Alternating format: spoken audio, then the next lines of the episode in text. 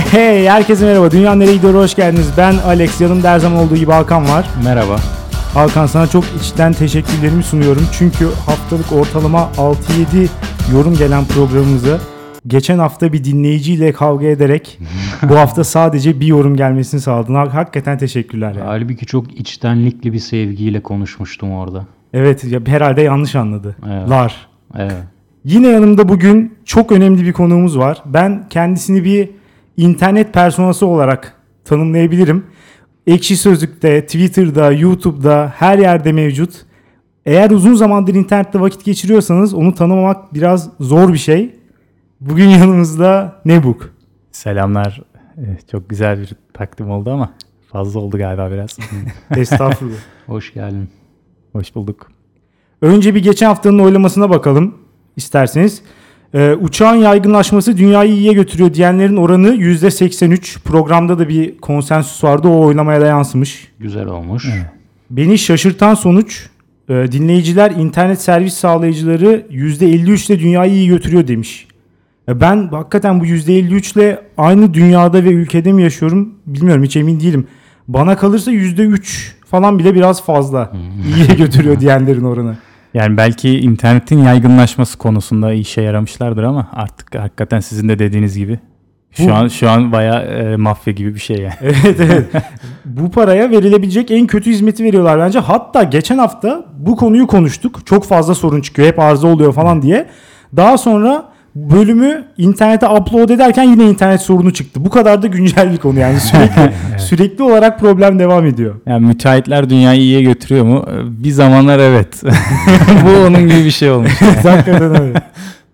Nebuk şimdi hafta içinde senin geleceğini duyurarak dinleyicilerden soru istedik. İstersen onları ileteyim sana. Olur. İlk soru yurt dışından ne kadar alışveriş yaptığını ve neler aldığını sormuş ve demiş ki en sevdiğin moda akımı nedir? Bunları merak etmiş. Ee, sorular sanırım birbirleriyle bağlantılı sorulmuş fakat ben yurt dışından giysi almıyorum. Ee, oldukça pahalı oluyor. Benim yurt dışından aldığım ufak tefek hepimizin e, Çin sitelerinden aldığı 2 dolara çözdüğü e, gadgetlardan ibaret. Ama moda akımını sorması güzel olmuş. Ben en çok e, neo Japanese moda akımını seviyorum. Özellikle Yoshi Yamamoto. Hatta Yamamoto'ların iki tanesi, iki tane moda e, devi Yamamoto var. İkisini de birbirinden çok severim. E, bu. Teşekkürler soruyu sorana bu arada. Gerçekten güzel bir soru. İkinci soru. Şimdi bundan önce sen daha çok reklamcılık sektöründe çalışıyordun. Şimdi oyun tasarlıyorsun ve kendin için yapıyorsun. Bir yere bağlı olarak değil Evet. kendi e, Evet. oyun şirketin mi diyeyim, şirket, stüdyon mu diyeyim. Oyun stüdyosu diye. Indie oyun stüdyosu. Evet. Evet. Bunun yanı sıra işte YouTube kanalın var. Arada görüyorum müzik yapıyorsun. Hatta kayda girmeden önce gördüğüm bir Ay Işığı Sonatı'nı remixlemişsin. Fena da olmamış. Teşekkür ederim. Evet dün gecemi yedi bitirdi. Evet. Güzeldi ama. Peki soru bununla ilintili. Bu kadar fazla şeyi, bu kadar ve birbirinden ayrı olan, çeşitli olan şeyi yapmak için nasıl vakit yaratıyorsun kendine? Ee, bu kadar üretken olmak için hani nasıl motive ediyorsun kendini? Ne gibi bir çalışma rutinin var? E, evet. Öncelikle bu konuya çok zaman ayırdığımın bilinmesini isterim. Yani bir şeyleri nasıl planlanır, nasıl üretilir buna çok zaman ayırıyorum. Ve benim erişebildiğim sonuç e, çok sıkı bir rutin e, girmek. Ve sosyal hayata bakış açısını da çok kökten değiştirmek. Yani eğlenmek için dışarı asla çıkmıyorum. Ben bunu, buna anlam falan da vermiyorum yani. Öyle diyeyim. Bayağı eleştiriyorum falan yayınlarımda vesairede.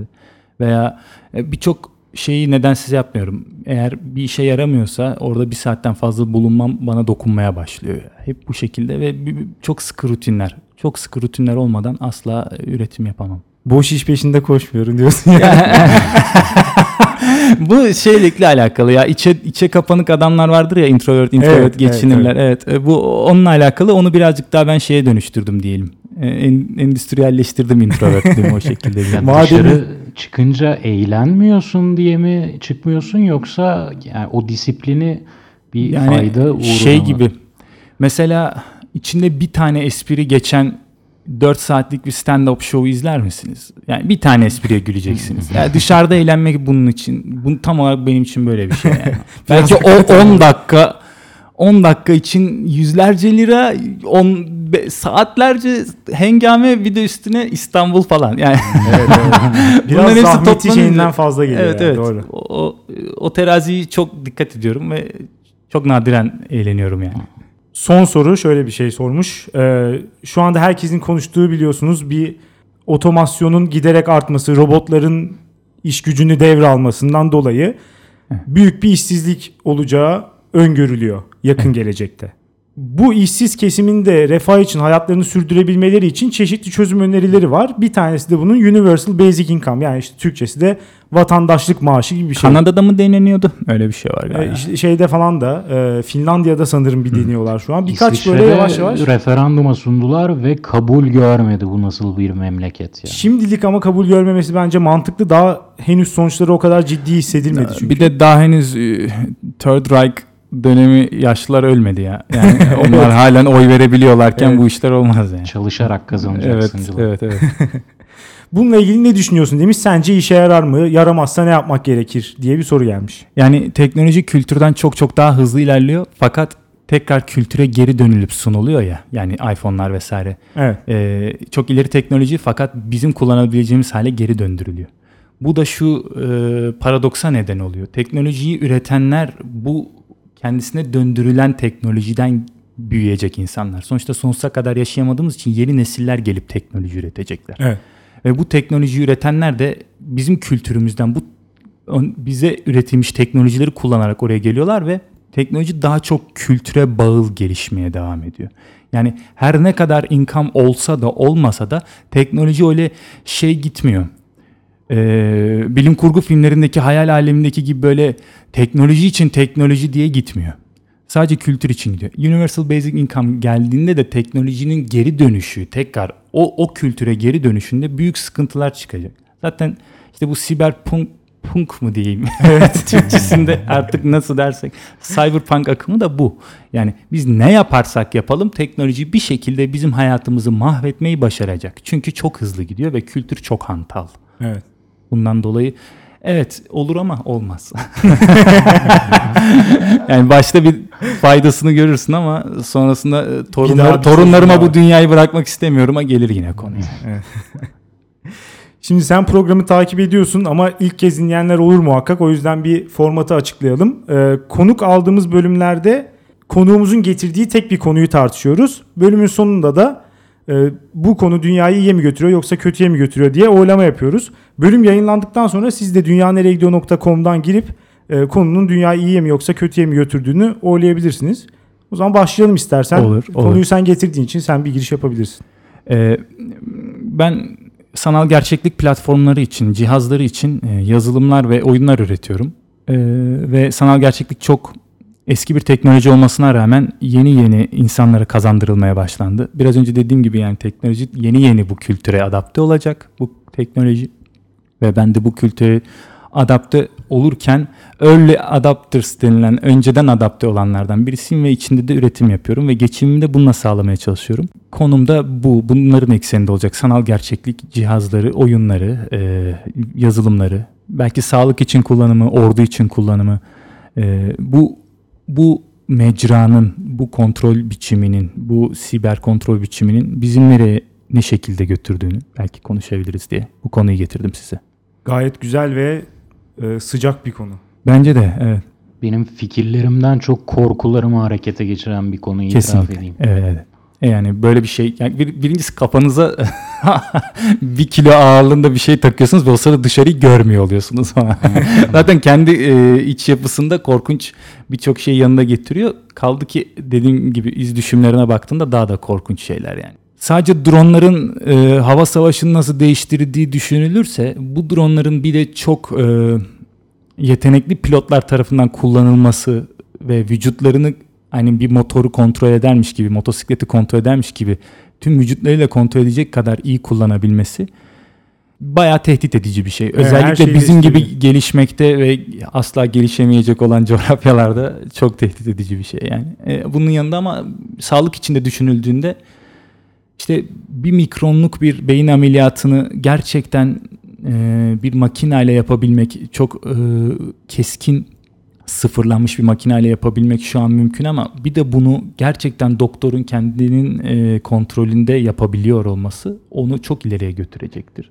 Yine bizim atom altı düzeyde e, ki bu fizik maceramızda da işe yarayacaktır. Bizim görselleştiriyor olmamız, beynimizin durmadan görsel olarak alıyor olması bence e, iyiye de götürecektir. Ya bu iki, iki başlı bir şey yani. Ya şimdi kesinlikle. ben doktorların o sanal gerçeklik ortamında eğitim görmelerine biraz karşıyım doğrusu. Çünkü orada her ne kadar o sanal gerçeklik gerçekliğe yaklaşırsa yaklaşsın sonunda orada hastayı öldürdü mü bir sonucu olmayacağının bir şekilde farkında orada Evet. doktor.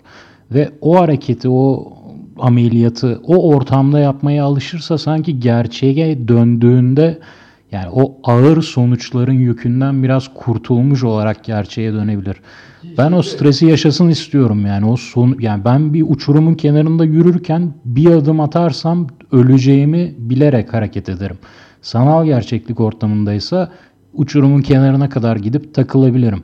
Gerçek bir uçurum gördüğümde eğer ben yine sanal gerçeklik ortamının verdiği özgüvenle kenarına gidip daha rahat davranırsam sonum kötü olabilir.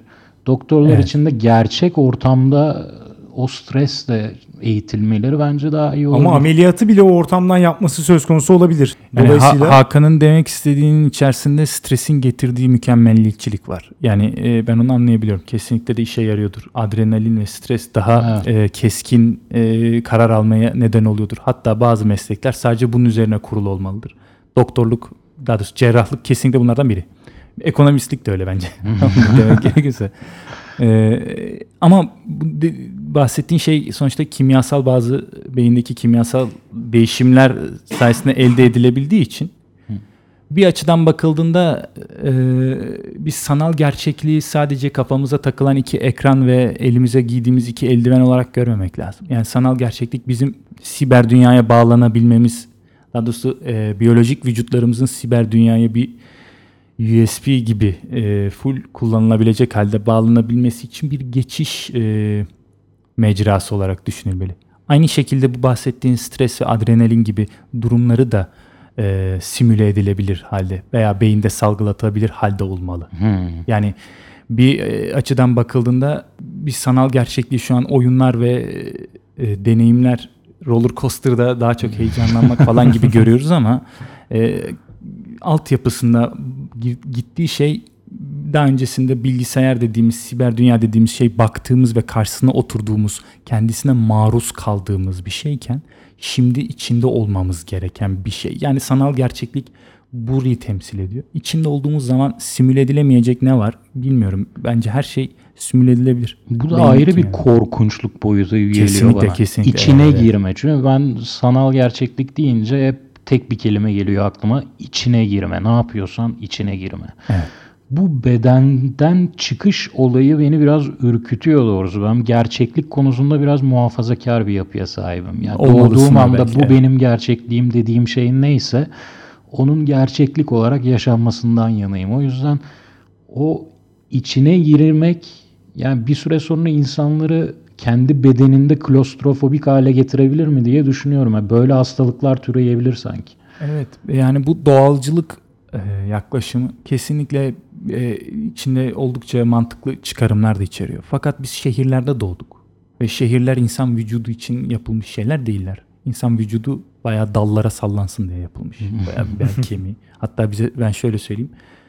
E, her hafta barfix çekmezsem belim ağrıyor. Ve bel ağrısı çekmemiş bir insanla daha tanışmadım ömrümde. E, ve bunun bir nedeni var.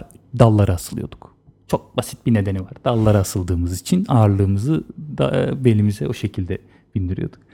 Yani şehirde doğmuş olmamız zaten bizim abi sanal gerçekliğin içinde doğmuş olmamız demek. Sanal gerçeklik biz bunu artık siber dünyaya da yapıyoruz demek gibi bir şey. Yani e, bugün üzerimizde e, giydiğimiz giysilerin vesairenin gerçekten bizim doğamıza aykırı olduğunu o kadar benimsemiş, o kadar kanıksamışız ki bizim yaşadığımız dünyanın doğal olduğunu düşünüyoruz. Fakat dediğim gibi yani. Ama- ben beli ağrımayan kimse görmedim Evet, yani. Ama mesela beden yani burada artık zihne sıçrıyoruz. Zihnimizin alışık olmadığı ve onun için gelişmediği bir ortama giriyoruz. Bu Evet. sanki bedenden çok daha korkunç geliyor. Yani şey gibi düşünüyorum. Inception vardı ya yani. Ben eğer böyle bir ortama girersem Inception'daki Leonardo değil de Marion gibi olurum yani. Kendimi bir odaya kaparım ve bir noktada bana müsaade deyip atabilirim kendimi yani. Gerçeklik algım o kadar oynanması ürkütücü geliyor bana. Peter Susskind bu kuantum fiziğinin e, sicim kuramının e, kurucularından.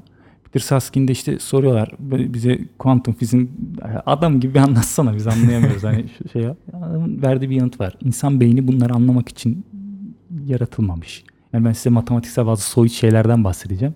Ben de anlıyormuş gibi yapacağım. Siz de anlıyormuş gibi yapacaksınız. Fakat emin olun bizim beynimiz bunları yapmak için değil. İşte sanal gerçekte bir de onların içine giriyoruz dediğin gibi. Yani matematiğin içine giriyoruz. Siber dünyanın ve matematiksel precision'ın içine giriyoruz. Ee, ve bu girdiğimiz dünya da çözülebilmiş bir dünya değil. Ee, işte daha geçen haftalarda Bitcoin'le fidye toplayan bir yazılım dünyayı kasıp kavurdu. Kaç Hı-hı. tane ülkenin e, ağına sızdı, e, sağlık ağlarına, e, devlet ağlarına sızdı ve para istedi ve bu paranın takibi de yapılamıyor. Ve bunu nasıl yapıyorlar adamlar? Belirli algoritmalarla yapıyorlar. Bu algoritmaları kim çözebiliyor? Kimse ki bu adamlar her ülkeye sızabiliyorlar. E, dediğim gibi bizim beynimizin hazır olmadığı bir yerdeyiz. Üstüne beynimizin hazır olsa bile çok da rahat davranamayacağı bir yere giriyoruz. Ama dediğim gibi bence şehirler de öyleydi yani. Bir e, betonların içinde böyle ısınmak için e, metal bazı cihazlara falan ihtiyaç duyacağımız şekilde gelmedik. Ve buraya bir şekilde adapte olduk. E, oraya da bir şekilde olmak zorundayız diye. Ben olmazsak da bu şekilde ölelim. Bak ben okeyim yani gide e, atın ölümü arpadan olsun. Yani. Matematiğin içinde çıldırıp gittiler diye yazsınlar yani. Evet evet yani. ya bedenimiz şehirlere alışamadan beynimizi bedenimizden çıkaralım. Evet, evet yani o arpadan ölümü. Evet, tam olarak öyle yani. Peki bu e, biraz programın başındaki soruyla da bağlantılı olarak bu yakın ve orta vadede işsizliğin artması ve bu insanların muhtemelen evlerinde oturup sabit bir gelirleri olması hükümet tarafından, devlet tarafından verilen. Burada ben biraz şey yardımcı olabilir gibi düşünüyorum. Sanal, Sanal gerçek. gerçek. Özellikle oyun kısmı. Bu insanlar yapacakları iş olmadığı için bir şeyle uğraşmak zorundalar. Evet. Ve çok da fazla paraları da olmayacak muhtemelen. Dolayısıyla gerçekleştirmek istediklerini sanal gerçeklik marifetiyle gerçekleştirebilirler. Evet e, yani birincisi rüyalardan uyanmamızın vaktinin geldiğini düşünüyorum. Yani e, 90'ların ve 2000'lerin başındaki sen her şey olabilirsin deyip e, işte evet, Naranki tarzı kuantum dünyalarından mı uyanmamız gerektiğini düşünüyorum. Gerçekten e, yoksulluğun korkunç düzeylere çıkacağı bir döneme giriyoruz. E, işsizlik bunun şey e, ekonomik ismi yani. Bunun ismi e, iş bilmezlik. Yani o kadar fazla aptalca e, sermaye bölümü yapılmış ki şimdi topla toplayabilirsen bunun evet. arkasını. Bu bu. İşsizlik değil bunlar. Bu, ki, bu, bu, bunun hatası işsiz kalanlarda falan da değil yani. Ee, Peki ve... bu insanlar evde oturup o aleti kafalarına taktıklarında bir anda mesela yoksul olmayacaklar mı? İşte ben de diyebilir miyiz? Evet. 24 bağlı düşün orada. Çok zengin bir hayat. Bill Gates olmuş kendi o e, sanal gerçekliğinde. O zaman bu insanları biz yoksul demeyecek miyiz artık? Demeyebiliriz yani. yani öyle bir hayat yaşamıyorsa eğer. İşte e, bunu, bunu yine de, evet demeyebiliriz. Kesinlikle bu yola da gidebiliriz. Fakat cevap bununla değil yani. Bugün onlara yoksul demeyiz ama bu sefer onları insanların bir diğerini sınıflandırmak için kullanacağı yeni bir terim üretmelerine neden evet, yine oluruz. ikinci sınıf evet, olarak yani, Senin o zaman sanal gerçeklik cihazın şunu şunu yapamıyor mu? Yedinci boyuta geçemiyor musun? Altıda ne yapıyorsun abi? Hani konuyu kesin oraya getireceğiz. Bizim öncelikle rüyadan uyanmamız lazım abi. Böyle süperiz ve hepimiz kar tanesiyiz ve hepimiz en iyisini hak ediyoruz rüyasını hızlıca aşmamız lazım. Bence de günümüz kültürü ister istemez bunu yapıyor. Yani en dandirik Amerikan dizisinde bile bu rüyadan uyandırmaya çalışan alt metinler çıkıyor. Adam e, ürün satmak için o diziyi çekiyor. Ha. Cidden bir iki, bir iki tane BMW gösterecek, evet. bir iki tane şey yapacak diye dizi çekiyor ama dayanamıyor. Bile yazıyor yani. Lan fakirleşeceğiz ha. Yani e, o yüzden sistem karşıtı evet. sistem dizileri. Onlar evet. da çok revaçta. Evet, çok tabii kesinlikle. Onunla şey yapmak. Sanal gerçeklik yani. dünyası da oraya gidebilir bu arada. Sen başta dedin ya çok korkunç bir kontrol sağlayacak bu Evet. aslında. Evet. Ya sen ne kadar gerçekliğe yaklaşmaya çalışırsan kan çalışırsan o algı düzeyinde olayın gerçekliğinden kopacaksın. Çünkü olayın gerçekliği şu. Sen gidip mağazadan bu başlığı almış bir müşterisin ve sana o oyun deneyimini sunan bir firma var. Yani Evet. olayın gerçekliği bu. O zaman ben istiyorum ki mesela YouTube'da reklam araları falan giriyor ya. Evet. Mesela Ya o da sanal olacak. gerçeklik dünyasında da o olursa bence daha güzel olur. Ya daha gerçek bir. Kesinlikle yani en azından ne aldığımızı bilelim değil Evet mi? Bizi ya. kimin yaptığını bilelim yani bu. Onun yerine Muhtemelen olacaktır bu böyle arada. tamamen subliminal bir dünya verirse böyle alttan alta ya o daha korkunç. Sen Evet, evet. Şey- gerçekliğe yaklaştığını sanıyorsun ama Minority olayın Report tarzı herkes kopuyorsun. mutlu ama nedense şey yok yani o kadar da kapitalizm yok. Ama girince bir metroya gözünden krediyi çeki veriyorlar. Yani e, onun da yapılması gerekiyor. Ben daha korkunç bir şeyden bahsedeyim. Şimdi biliyorsunuz ülkemizin de dahil olduğu bir F-35 uçak şey var. Ee, teknolojisi var. Üretilmeye çalışılıyor. Pek de başarılı değiller. Hı hı. Ben sanal gerçeklikle ilgilendiğim dönemde çok ilginç bir şey denk geldim. Bu F- F-35 pilotlarının kaskı yani F-35 içinde kullanacakları kask bir sanal gerçeklik kaskı. Düz kask değil. Artırılmış gerçeklik ve uçağı 360 derece görmeyi sağlıyor. Ve bu yüzden onu eğitecek pilot da 360 derece görme üzerine kurulu. Yani F-35'i kullanacak olan pilot sadece o kaskla o uçağı kullanabilecek şekilde eğitiliyor. Başka bir uçakta hiçbir işe yaramıyor. Zaten başka bir uçakta ne yapılır onu da bilmiyorum. F-35 sanırım e, okuduğum kadarıyla insanların kullanacağı son savaş uçağı olacakmış. Yani bu o son olduğu için bu kadar yatırım yapıyorlar. Bir daha insan bilmeyecek bunlara diye anladığım kadarıyla. Ve bir sanal gerçeklik cihazıyla kontrol ediliyor. İnsanların kullanacağı en teknolojik uçak şu an bir sanal gerçeklik cihazıyla kontrol ediliyor. Halen deneme uçuşları yapılıyor. Şimdi bu açıdan bakıldığında da e, sanal gerçeklik geldi mi? Biz, biz içine girdik mi'den öte e, sanal gerçeklik çoktan bize girdi de biz ondan henüz kar edecek firmaları topluma şey yayamadık durumundayız yani. Telekomünikasyon hep vardı Ericsson'da ama ne zaman ki e, binaların üzerine baz istasyonu koyabilecek kadar e, e, ucuzlaştırabildiler. Ancak o zaman biz cep telefonlarına geçtik ya. Bu da onun gibi bir şey bir yerde yani. Sanal gerçeklik burada bizle beraber. Ama dediğin yola gitmeye çalışılıyor. Yani arada reklam girebiliyor mu? Giremiyor. O zaman satamayacağız. Yani biraz daha bekleyelim. Arada reklam girebildiği zaman olsun bu iş. Umarım girsin ya zaten. Girsin de bilelim Muhakkak yani. girer ama öyle bir fırsat olduğu zaman zaten kullanılmaması gibi bir durum söz konusu olamaz herhalde. Hmm. Yani bir şey varsa eğer kar edilebilecek bir ortam varsa ondan kar etmek isteyen de olacaktır yani.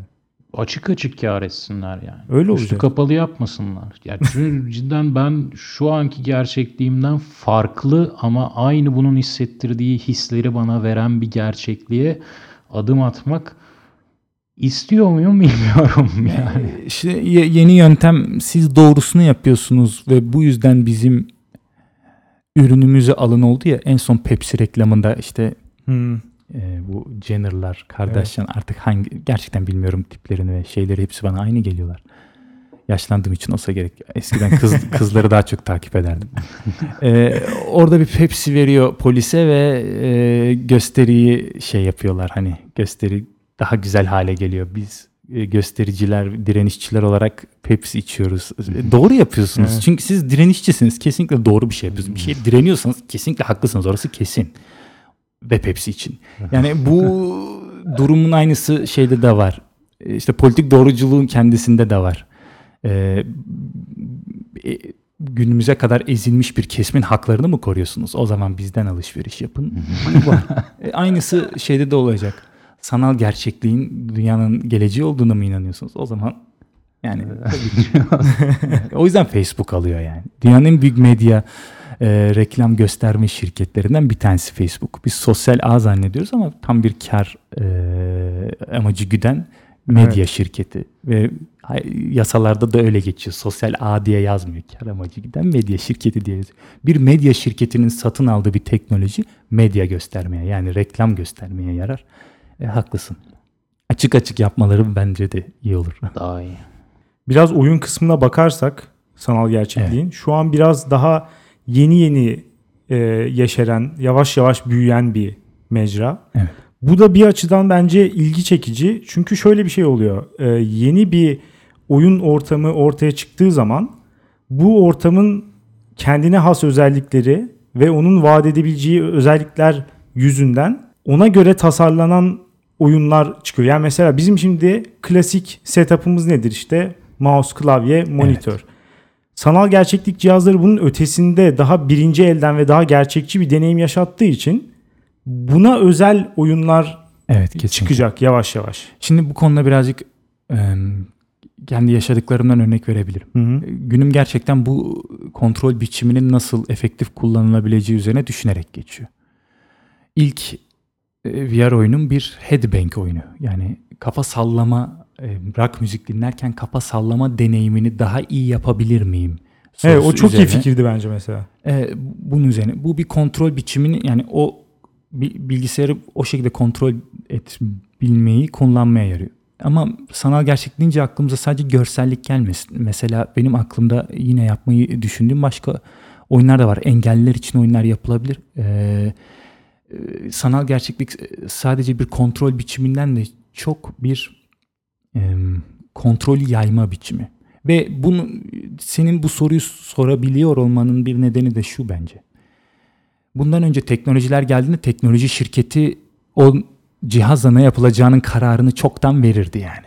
Yani siz elinize bir eski oyun konsolu aldığınızda ne oynayacağınız ve nasıl oynayacağınız çok belli. Sanal gerçeklik gerçekten sosyal olarak geliştirilen bir mecra. Çıkışında da öyleydi. Bulan adam işte toplama cihazları bu, top, e, Çin'den aldığı cihazlarla yaptı. Gerçekten low level bir e, teknik bilgisi var. Kodlama bilmiyor falan. E, ve o yaptı sanal gerçekliği bu hale getirdi. Ve gerçekten bu sanal gerçekliğin gidişatının da bir özeti gibi. Bizler düşünüyoruz. Geliştiriciler şu an sanal gerçekliğin oyunlarının nasıl ilginç olacağını düşünüyor. Geçenlerde dövme yapma üzerine bir oyun e, prototipi tasarladım. Ve oldukça beğenildi. O zamana kadar yani sanal gerçeklik bir, bir, bir buçuk iki senedir şeyde e, geliştiricilerin emrine amade diyelim. E, o zamana kadar kimse çıkıp da dövme yapma oyunu yapmamış. Hatta ben Google'da ararken ya arama yapmayayım da aramalara girmesin benim oyunum şey yani e, oradan cımbızlayıp da şey benden önce yapmasınlar diye önce oyunu yapıp sonra aramasını. Ve yapmamışlar gerçekten yapmamışlar hatta viral oldu. E, dediğim gibi yani nasıl geliştirileceğini oyuncular ve geliştiriciler karar veriyor. Ve bu üzerine çok düşünülmesi gereken bir şey. Elinizde ne tarafa bakarsanız göre, orayı göreceğiniz bir cihaz. Elinizi nasıl kaldırırsanız o şekilde hareket eden controller'lar var. E bunları konforlu yapabilirsiniz. E, mesela bir geliştiricinin şunu dediğini duymuştum. Oyunu yıldızlara bakarak kontrol ediliyormuş. Oyunda haritayı yıldızlara bakarak görüyormuş. Süper fikir, mükemmel. Yıldızlara bakmak. Bir oyunda yıldızlara bakmaktan daha güzel bir şey olabilir mi? Bunu yapabilmekten. Sonra da şeyi fark etmiş. Hangimiz durup dururken yıldızlara bakıyoruz ki boynumuz ağrıyor demiş. Kafanızda bir cihaz varken daha da zor. Ve yıldızlara bakarak haritaya bakmanın zor olduğunu gördük. Evet. Ve onu o haritaya gidip yanındaki çantaya koyduk. Yani kafada çok güzel duran, yani çok iyi fikir dediğiniz bir şey gerçekten çok kötü bir fikir olabilir. Sanal gerçeklik aynı zamanda bunları da henüz daha emekleme aşamasında. Daha böyle sanal gerçekliği süper kullanan oyunlar gelmedi. Var mı? Evet. E, Tilt Brush var Google'ın. E, havaya resim yapmaya yarıyor ve kendi sanatçılarını ortaya çıkarttı. Havaya resim yapılamıyordu ya bundan önce. yani havayı boyayı şey yaptığımızda sürdüğümüzde yer çekimi yüzünden boya yere düşüyor. Evet. Ve bunun e, bu şekilde kullanımı sayesinde şu an yeni bir sanat türü çıkmaya çalışıyor. Google Yakında çok da sergiler falan çıkar o konuda. yani bir iki sergi denendi fakat Google çok ilginç ki hani böyle durumlarda hype'lı yapılır ya yeni bir sanat falan hani Evet. Google pek de üzerine gitmedi. Belki de tutmayacak ya şey yapmayın dedi çok. Ama sanatçılar zorluyor ve kendi şey sergilerine durumlarına geçtiler. Bence de çok ilginç. Ben de havaya resim çizmekle alakalı bir oyun tasarlıyorum şu aralar. Ee, havaya bir uçak çiziyorsunuz ve uçağı alıp atabiliyorsunuz. Çizdiğiniz biçimde gidiyor uçak. Havadaki direnci, ağırlığı vesairesi. Bu şekilde oluyor. Oyun Güzelmiş tasarımı. bayağı. O, ona göre hareket ediyor yani. Evet. Senin çizimine göre. Evet. Evet ve havaya Bayağı zor bir isterseniz şey olsa gerek bu arada bunu Fizik geliştirmek. motoru açısından. Evet ilginç farklı çözümlerimiz var. Hatta patentini bile alabiliriz o çözümlerin. öyle öyle güzel çözümlerimiz var bunun için. Ee, şey havaya isminizi yapıp isminizin hava direncini görebilirsiniz. o, e, o şekilde bu bunlar hiç düşünülmemişti ya şu ana kadar ya. Havaya bir şey çizebilir miyim? Bunu atabilir miyim? Güçlü atarsam ne olur? Şimdi insanlar sana gerçekliği düşünce ilk hadi o zaman lightsaber'ları yapalım. Hadi artık şu Star Wars işi bir olsun abi artık durumuna geldiler. Ve çok da haklılar yani. Uzay değil mi? Böyle uzay konseptli oyunlar çok revaçta mı? Siz Evet. biliyor musunuz? Evet evet.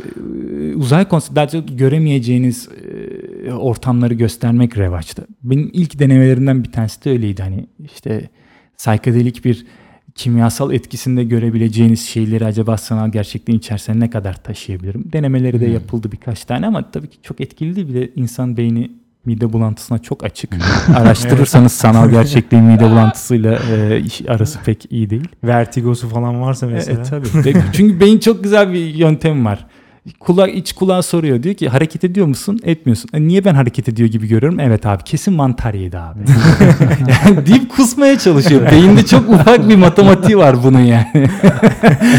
Ve o sanal gerçeklikte bununla uğraşıyor şu an. Bunlar, bunu nasıl hallederiz falan. Yeni şeyler öğrendik. Mesela biz hızı algılayamıyormuşuz bakarak. İvmeyi algılayabiliyormuşuz. O yüzden ivmelendirilmiş hızla giden oyunlar yapmamak lazımmış. Mesela saatte 200'de gidebilirsin oyun içerisinde. Fakat saatte 200'e çıkmadan. 200'de gidebilirsin dan diye. 200'le başlıyorsun. Evet ama 200'e çıkmaya başlarsan iç kulağa sormaya başlıyor beyin. Ya, hızlanıyoruz ama yani. bir bak bakayım gerçekten hızlanıyor muyuz? evet dediğin gibi. Kontroller üzerine çok düşünülüyor. Şu an en büyük problemlerden bir tanesi bu. Problem de değil. Ben çok eğlenceli buluyorum yeni kontrol biçimlerini. Ve sadece geliştiricilere bırakılmış halde. E, Üreticiler yeni kontrol biçimleriyle alakalı en ufak bir adım atmıyorlar ve bence bu çok umut vaat ediyor. Geliştiriciler kesinlikle çok çok daha yaratıcı, çok çok daha hmm, yüzünüzü güldürecek sonuçlarla geliyorlar yani. Biz geliştiricilere şey teknoloji geliştiricilerine bıraksaydık yanmıştık yani. E, Evet. muhtemelen pistonlarla, hidroliklerle falan kontrol edecektik. Çünkü onlar kısıtlamaya çalışacaktı herkese eşit deneyim verebilmek adına yani. Bütün bu fikir sürecini takip etmek yani içinde mesela sen biraz daha içindesin ama dışarıdan takip etmek bile bence bayağı bir Evet. eğlenceli. Yani Yani orada bir bir hashtag- şahit olma olayı güzel Evet, bir şey. bir hashtag'ten bile acayip her hafta acayip sonuçlar çıkabiliyor. Mutlaka bakın Ee, Twitter'da Screenshot Saturday diye bir hashtag var. Oyun tasarımcıların işte her hafta sonu yaptıkları oyunlardan bir screenshot alıp koydukları. Orada VR oyunların e, işte benim olay da öyle viral oldu diyebilirim yani. Sanal gerçeklik oyunlarının çıktıları çok ilginç. Herkes çok heyecanlı, yeni yeni şeyler buluyorlar. Daha önce yapılmamış oldukları için daha da emek veriyorlar yani. Daha önce bin defa yapılmış bir şey yaptığınızda o kadar şey olmuyor. Evet evet. Yani kesin daha iyisini yapıyorlardır ya diyorsun ama ilk sen yapınca daha iyisini yapamazlar çünkü ben yapıyorum. Peki şey ne diyorsunuz bu sosyalleşme kısmına bunun? Çünkü birçok insan ya şu an bile e, dışarıdaki hayatı veya insanlarla sosyalleşmeyi tercih etmeyen, daha çok evinde oyun oynamak, oyun oynamayı tercih eden bir sürü insan var. Şimdi bu çok daha bağımlılık yaratıcı, yani sanal gerçeklik çok daha bağımlılık yaratıcı ve çok daha gerçekçi bir deneyim sunduğu için bu işte hikikomori durumunda olan insanlar böyle bir anda Evet. milyonlara, 10 milyonlara falan çıkabilir. Ama bir yandan tabii bu oyunların kendi içinde e, online modlarının falan da iyice gelişmesiyle birlikte orada bir sosyalleşme imkanı da var. Şimdi bunların hepsini birden düşününce bir, o da mesela bana biraz korkutucu geliyor. Yani sen kafanda bir başlık, ben kafamda bir başlık. evet ikimiz de evimizdeyiz ama kafede beraber oturup- takılıyoruz.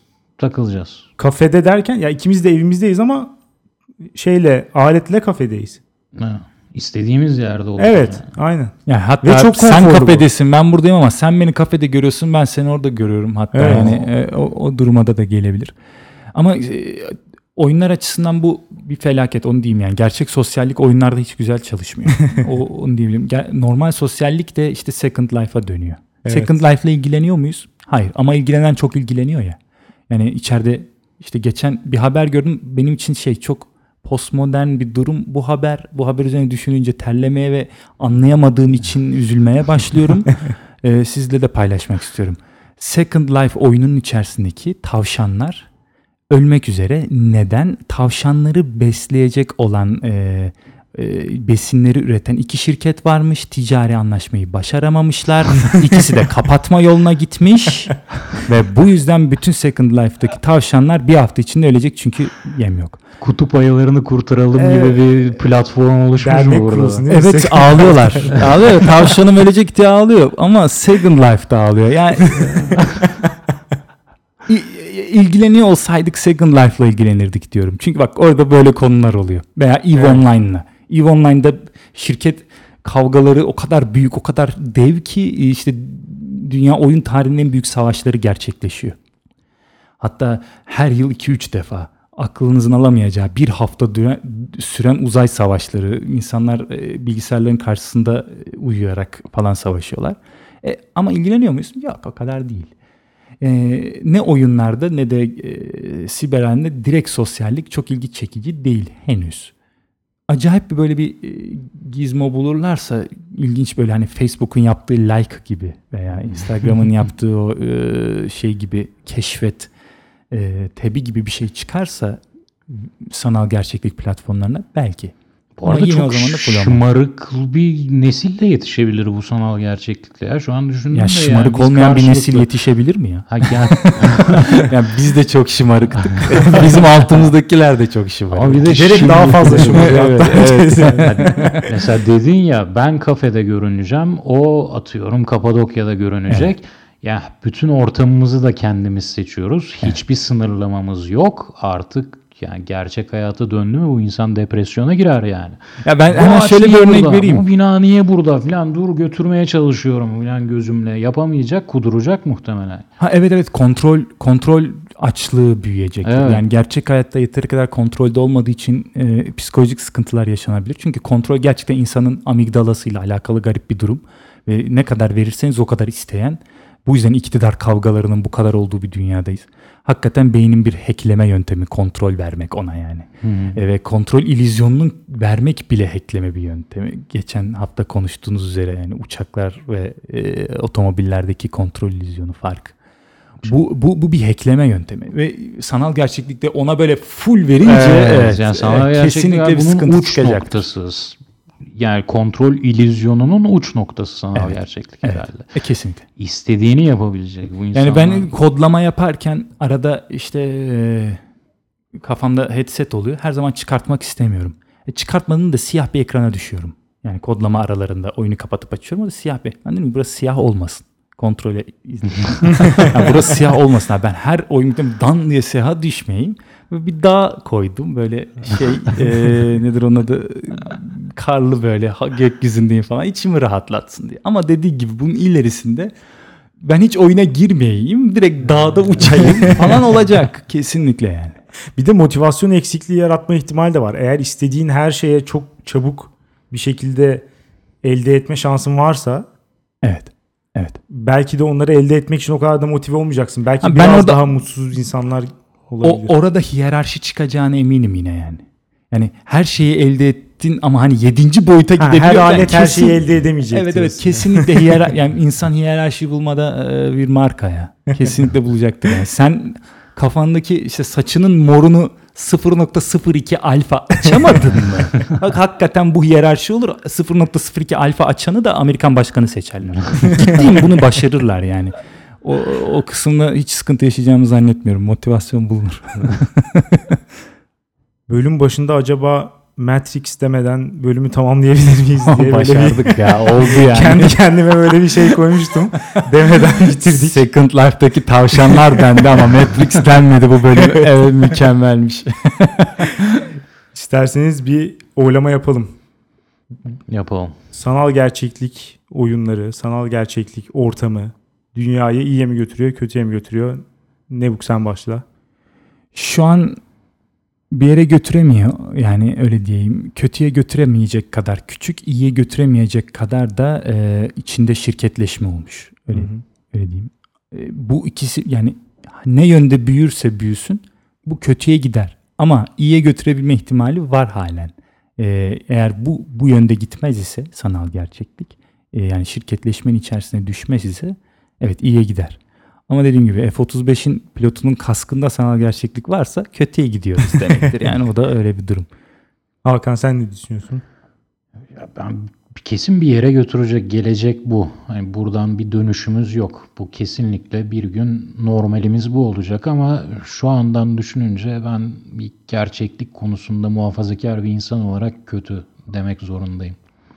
Ben vallahi bilmiyorum. Sizin her ikiniz de biraz daha pesimist bakıyorsunuz gibi geldi. Ben çok olumlu ve umutlu yaklaşıyorum konuya. Facebook falan diyorsun. evet evet ben de o şımaranlardan bir tanesi ben oldum yani. Şu an nasıl her şeyi yapabilecek miyiz falan diye bir motive bir şekilde.